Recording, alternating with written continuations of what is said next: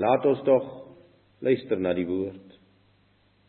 Hierdie verdwaaste godsdienstige wêreld waarin ons lewe met sy sentimente en sy liberalisme en sy humanisme en sy mensheid en sy mensheid wat meen God is 'n mens. Dat hulle vanmôre vraag het oor dieselfde bespreking Daar word beweer dat Yeshua buite-egtelike kind was. Dat 'n mens dit durf vra. Ek was bly toe die professor sê dis maar 'n saak wat hy maar gou wil afhandel. Maar hy verwys nog al na een van die dwaashede. Plaas hy sê ek besweer hierdie mense wat sulke vrae vra oor my saligmaker. Asof hy 'n mens is 'n sondige mens. Dat hom afruk uit die hoë hemel en dat hulle die gruwels van hulle eie vlees kom toeskryf aan hom. 'n dag van wraak. Hy wat vir sy volk sê. Hy wat vir Josia die ontblote swaard in sy hand kom gee voordat hy die land Kanaan intrek. En dan sê hy vir hom: "Jy maak hierdie land skoon." Jy tref dit met die bandvloek. Nie die kleinste babetjie van al die sewe magtige nasies wat in Kanaan was, moes oorbly nie. En sou daar die volk Jahwe gehoorsaam, wat 'n geseënde volk sou hulle nie gewees het nie. Maar hulle humanisme en hulle liberalisme en vanaand hulle Christelikheid staan in belemmering van die goddelike weë. Hulle is so Christelik, hulle sal sien hoe die vuur om hulle brand en daar sal geen redder wees nie. 'n Jaar van God se wraak.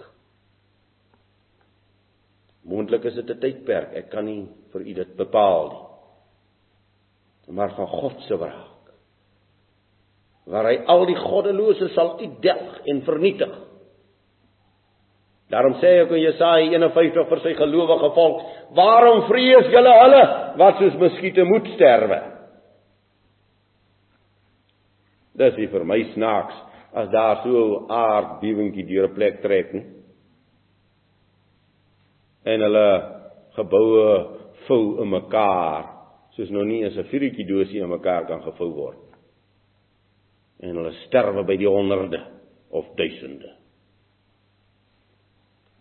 Jy moet genade onthou wat ons mee begin het. As ek hierdie dinge sê. Genade.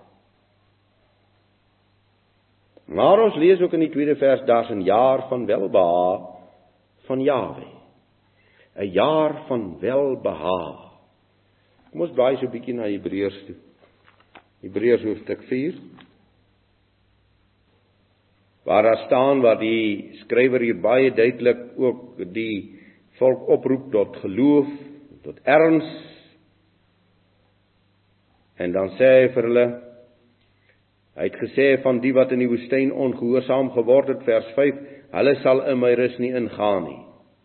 Terwyl dit dan so is dat sommige daar ingaan en diegene aan wie die evangelie eers verkondig is, deur ongehoorsaamheid nie ingegaan het nie, bepaal hy weer 'n sekere dag, naamlik vandag as hy soveel later deur Dawid spreek soos dit gesê is, Vandag as julle sy stem hoor, verhard julle harte nie. Want as Josia aan hulle rus gegee het, sou nie van 'n ander dag daarna spreek nie. Daar bly dus 'n Sabbatsrus oor vir die volk van Elohim. Daar bly dus 'n Sabbatsrus oor vir die volk van Elohim om uit te roep 'n jaar van welbehae van Jahwe. 'n Tydvak van rus van die volle glorie en openbaring van Yeshua op aarde. Geliefdes, dit is vir die ootmoediges. Jy moet mooi luister. Dit is vir die ootmoediges. Dit is vir die treurendes. Dit is vir hulle wat soek na die eer van Jahwe Vir hulle is dit gegee en vir hulle sal dit gegee word. 'n Dag van rus. 'n Jaar van welba van Jawe. En hierdie geslag, hierdie ootmoedige geslag in die wêreld wat ek vanaand glo wat oral in die wêreld woon, hierdie ootmoediges voor Jawe wat sy aangesig soek en dit sal bly soek totdat hy in sy heerlikheid hom openbaar. Hy wat vir ons sê, herinner my aan my beloftes. Dit staan ons hier in hoofstuk 62. Vers 6: O Jerusalem, ek het wagte op jou mure uitgesit wat gedurig deur die hele dag en die hele nag nie sal swyg nie. O julle wat Jawe herinner aan sy beloftes, moenie rus nie en laat hom nie met rus nie totdat hy Jerusalem bevestig en maak tot 'n lof op aarde. Jawe het gesweer by sy regterhand en by sy magtige arm waarlik ek sal jou koring nie meer gee dat jou vyande dit eet nie. En uitlanders sal jou mos nie drink waarvoor jy gewerk het nie. Maar hulle wat dit insamel sal dit eet en Jawe prys. En hulle wat oes sal drink in my heilige voorhoewe. Gaan in gaan in deur die poorte. Berei die weg van die volk. Vul op vul op die groot pad. Gooi die klippe weg, steek 'n banier op oor die volke. Kyk, Jawe het dit laat hoor tot by die einde van die aarde. Sê aan die dogter van Sion, kyk jou heil kom. Sê aan die dogter van Sion, aan die ootmoediges, jou heil kom. Kyk sy loon is by hom en sy beloning is voor sy aangesig. vir hierdie ootmoedige volk. Heerlike toekoms hoopvolle toekoms. Het ons dit nog vanaand so in ons harte in die geraas van die wêreld? staan so pragtig in Amos 9 en dit word bevestig in Handelinge 15 die Dawidshuis sal herbou word soos in die ou tyd. En Edom Esau sal buig.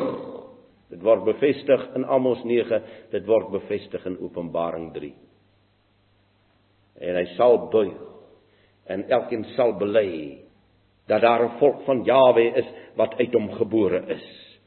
Jesaja 61 vers 4 en hulle sal die ou pynhope bou. Die verwoeste plekke uit vroeër dae weer oprig en die verwoeste stede weer nuut maak wat woes was van geslag tot geslag.